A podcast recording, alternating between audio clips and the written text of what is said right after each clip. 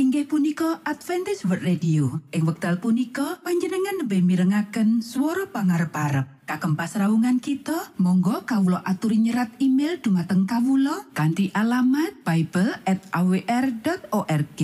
utawi panjenengan uki saged layanan kalian Kawulo lumantar WhatsApp kanti nomor plus setunggal saged layanan kalian Kawulo kalh kalh sekawan kalh kalh kalh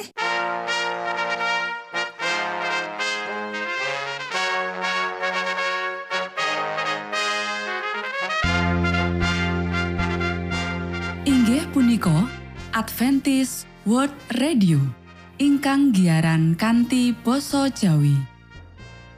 Tentrem Rahayu kula aturaken kagem para mitra kinasih ing pundi papan lan panggonan. Sugeng pepanggian malih kalian Adventist World Radio. Kanti bingahing manah Kulo badhe sesarengan kalian para mitra kinasih lumantar saperangan adicara ingkang sampun rinonci mligi kagem panjenengan sami. Mugi giaran punika saged migunani tuwin dados berkah kagem kita sedaya. Sugeng midhangetaken Gusti amberkahi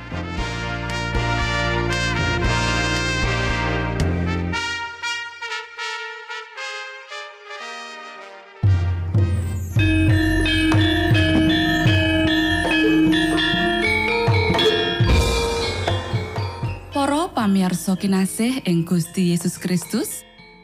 Ing wekdal punika kita badhe sesarengan ing adicara ruang kesehatan.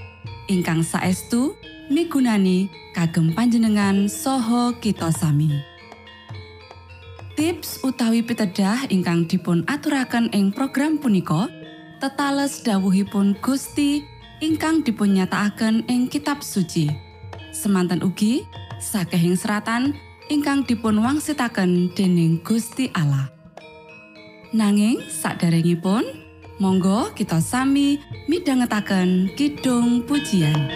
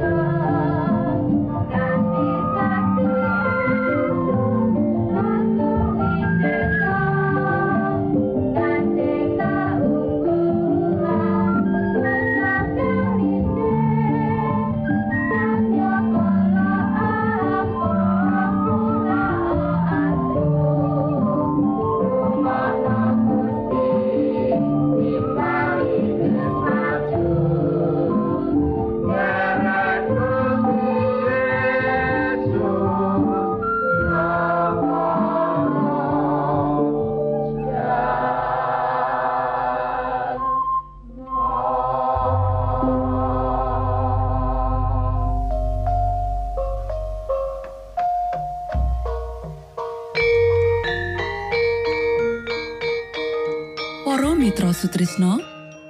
Puji syukur dumateng Gusti ingkang murbeng dumati ingkang sampun kepareng paring wewenngan kagem kita.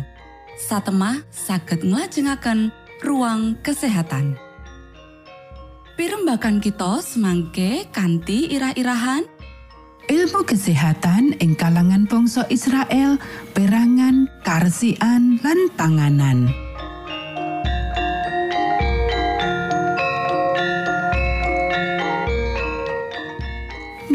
Dumateng para pamiarsa kakung saha putri ingkang dahat kinurmatan sugeng pepanggian malih kalian kula Isti Kurnaidi ing adicara ruang kesehatan.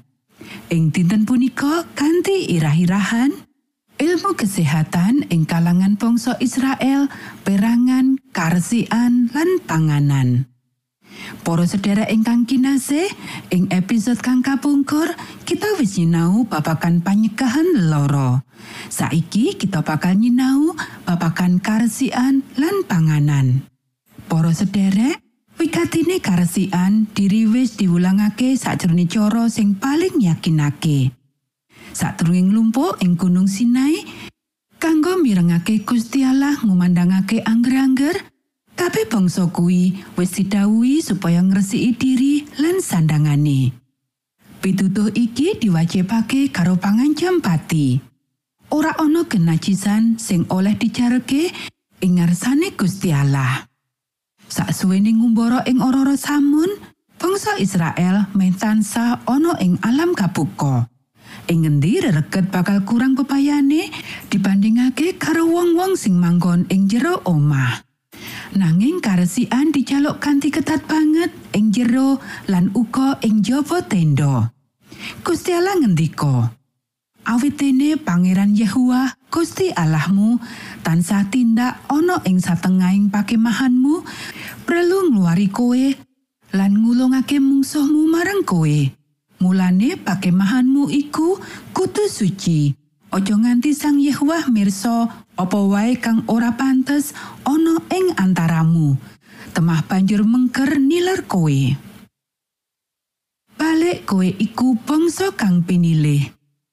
Kaimaman keprabon, bangsa kang suci, umat kagungane Gusti Allah pribadi. supaya kowe padha martakake kautamane panjenengane terus nimbali kowe saka pepeteng marang ing pepadange kang ngiram-iramake. Kang iku hewong Israel, apa kang dadi pundutane Pangeran Yehuwa Gusti Allahmu marang kowe ora liya mung supaya kowe padha wedi asiha marang Pangeran Yehuwa Gusti Allahmu. Lumaku ana ing dalan kang ditedahake sarta tresno lan ngabektiya marang Pangeran Yehuwa Gusti Allahmu. Kalawan kumolonging ati lan kumolonging nyawamu. Para sedherek ingkang kinasih, saiki kita nyinau babagan panganan. Betane antarane sing halal lan haram wis digarisake sakjroning kabeh wernane panganan. Gusti Allah ngendika, Ingsun iki Yehuwa Allahira kang misahake sira saka para bangsa. Sira padha mbetakno kewan kang halal lan kang karam. Apa dene manuk kang karam lan kang halal. Supaya awak ira aja nganti sira najisake. Marga saka kewan kang sikil papat lan manuk. Sarta sadengah kang rumangkang ngelosor utawa gumreget ana ing bumi. Kang wis padha pisahake supaya sira karamake Para sederek, akeh jinis panganan sing dipangan bebas karo bangsa kafir ing kiwa tengene nanging dilarang kanggo bangsa Israel. Prabedan sing digawe kuwi ora kok sak wenang-wenang. Jinis-jinis sing ora dikeparengake kuwi ora nyehatake. Kanyatan menawa jenis panganan kuwi didhawuhake haram, mulangake piwulang, menawa panganan bebayani kuwi ngrusak. Apa sing ngrusak awak, condong ngrusak jiwa uga. Wong sing mangan kuwi ora pantes kanggo sesambungan karo Gusti Allah. Ora pantes kanggo dheweke kanggo pelatusan sing agung lan kudus. Para sederek ing bumi prajanjen, disiplin sing diwiwiti ana ing ora-ora samun kuwi diterusake sakjroning kahanan-kahanan sing cocok kanggo gawe pakulinan-pakulinan sing bener. Bangsa kuwi ora urip umpel-umpelan ing kutha-kutha. Nanging saben keluarga duweni pemahane dhewe sing jamin berkah-berkah sing nyihatake saka panguripan alami sing ora sesat.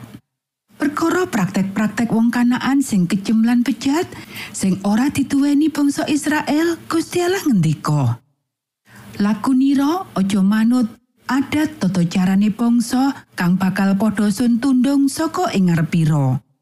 Marga iku wis padha nglakoni kang kaya mangkono iku mau. Temah padha sun emoi. Lan barang kang jember aja kok gawa lumebu ing omahmu. Temah kowe uga bakal katumpes kaya iku. Para sedherek ingkang kinasih, sakjroning kabeh urusan urip saben dina, bangsa Israel diulangake piwulang sing diatur dening Roh Suci. Apa kowe padha ora sumurup yen badanmu iku dadi pedalemane Sang Roh Suci kang ana ing kowe. Sang Roh Suci kang kaparingake marang kowe dening Gusti Allah. Sarta yen awakmu iku dudu awakmu dhewe. Matur nuwun Gusti berkahi.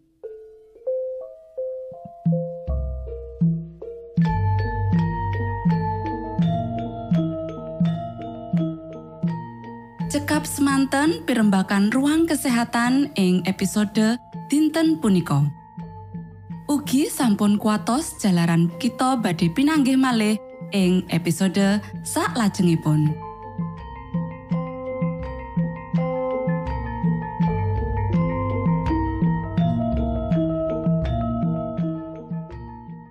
inggih punika adicara ruang kesehatan. Menawi panjenengan gadah pitakenan utawi ngersakaken katrangan ingkang langkung Monggo Kulo aturi. Kinton email dateng alamat ejcawr@ gmail.com utawi lumantar WhatsApp kanti nomor 025 pitu 00 songo songo papat 00 pitu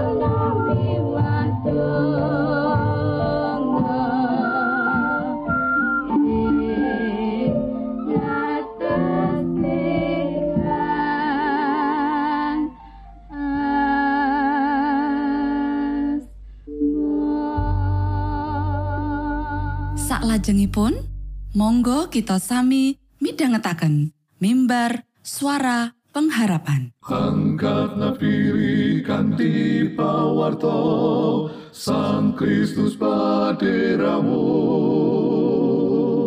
Pro umat samyo puji asmanyo Sang Kristus paderamu Inggih punika mimbar suara pengharapan. Ing episode punika kanthi irah-irahan Gusti kang kersa manunggal karo kita. sugeng midhangetaken. Minangka tondo Sang Kristus paderamu Ilmu kawero tambah lan tambah Sang Kristus paderamu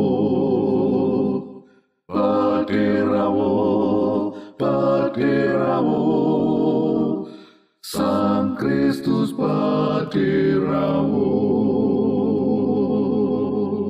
Shalom para pamirsa ingkang kinasih wonten ing Gusti. Sakmenika kita badhe midhangetaken renungan Sabda pangantikanipun Gusti. Ing dinten punika kanthi irah-irahan Gusti kang kersa manunggal karo kita.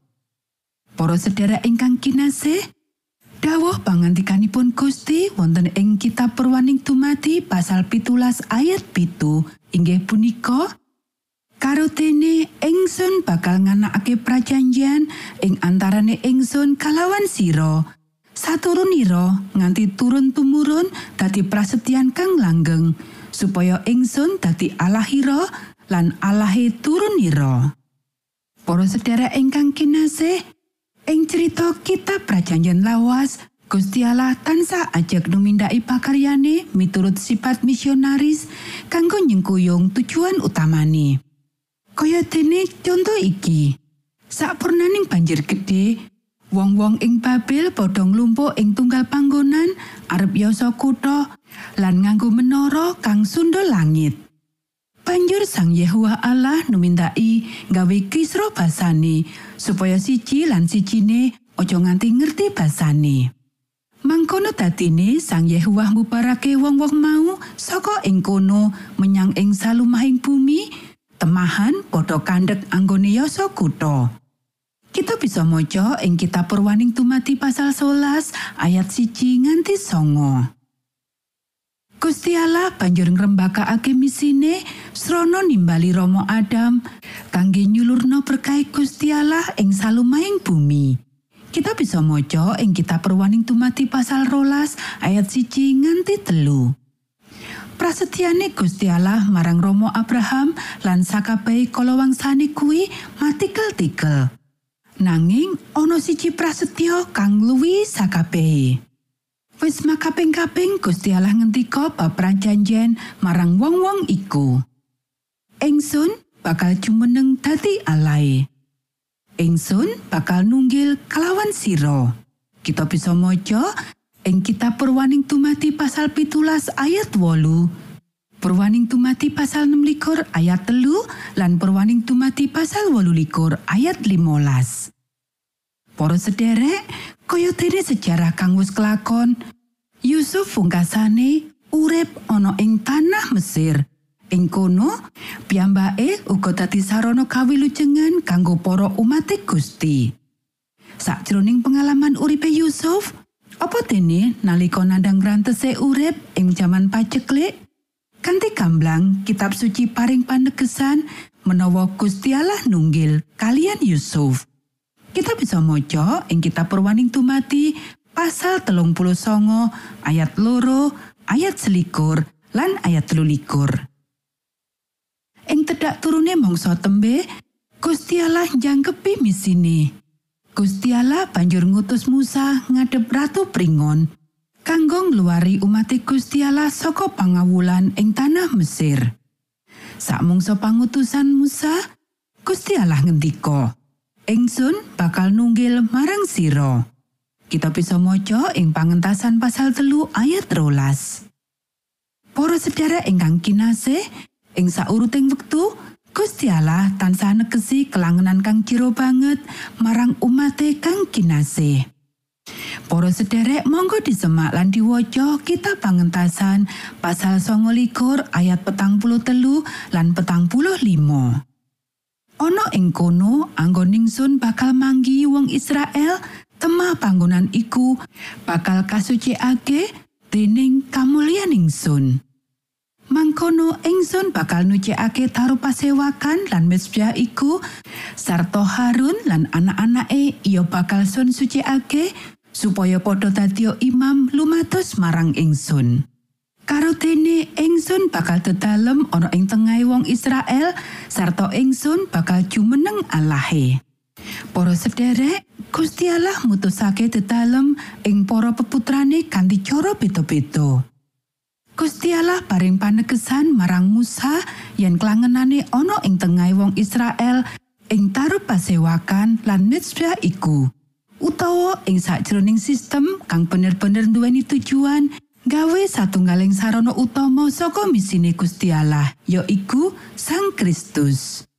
Pisungsung kurban lan kaimanan saka sistem Yahudi wis kawangun dadi pralambang saka setane lan pangantaran Sang Kristus. Sakabehe perayaan kuwi ora migunani lan ora ana ajine yen wis kawangun bareng Sang Kristus. Matur nuwun, Gusti berkahi.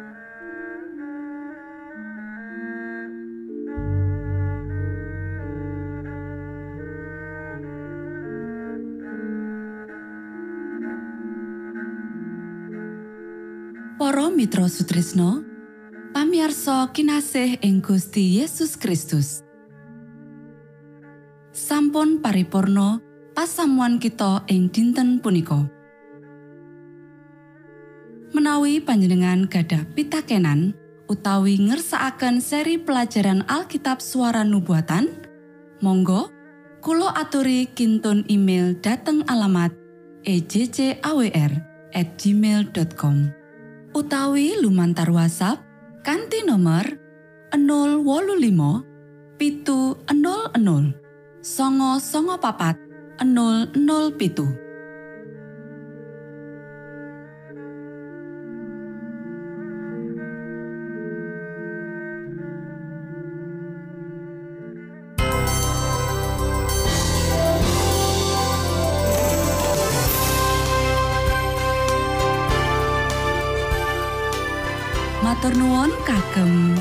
wektalipun kita badhe pinanggih malih ing gelombang ugi wekdal ingkang sami. Saking studio kula ngaturaken tentrem rahayu. Gusti amberkahi kita sedaya. Maranata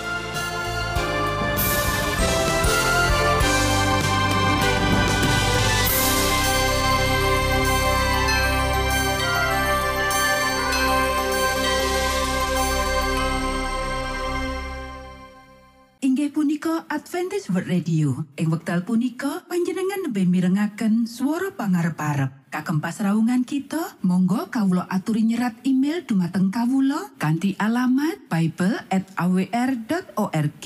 Utawi panjenengan ugi saged layanan kalian kawula lumantar WhatsApp kanthi nomor plus setunggal saged layanan kalian kawula kalih kalih sekawan kalih kalih kalih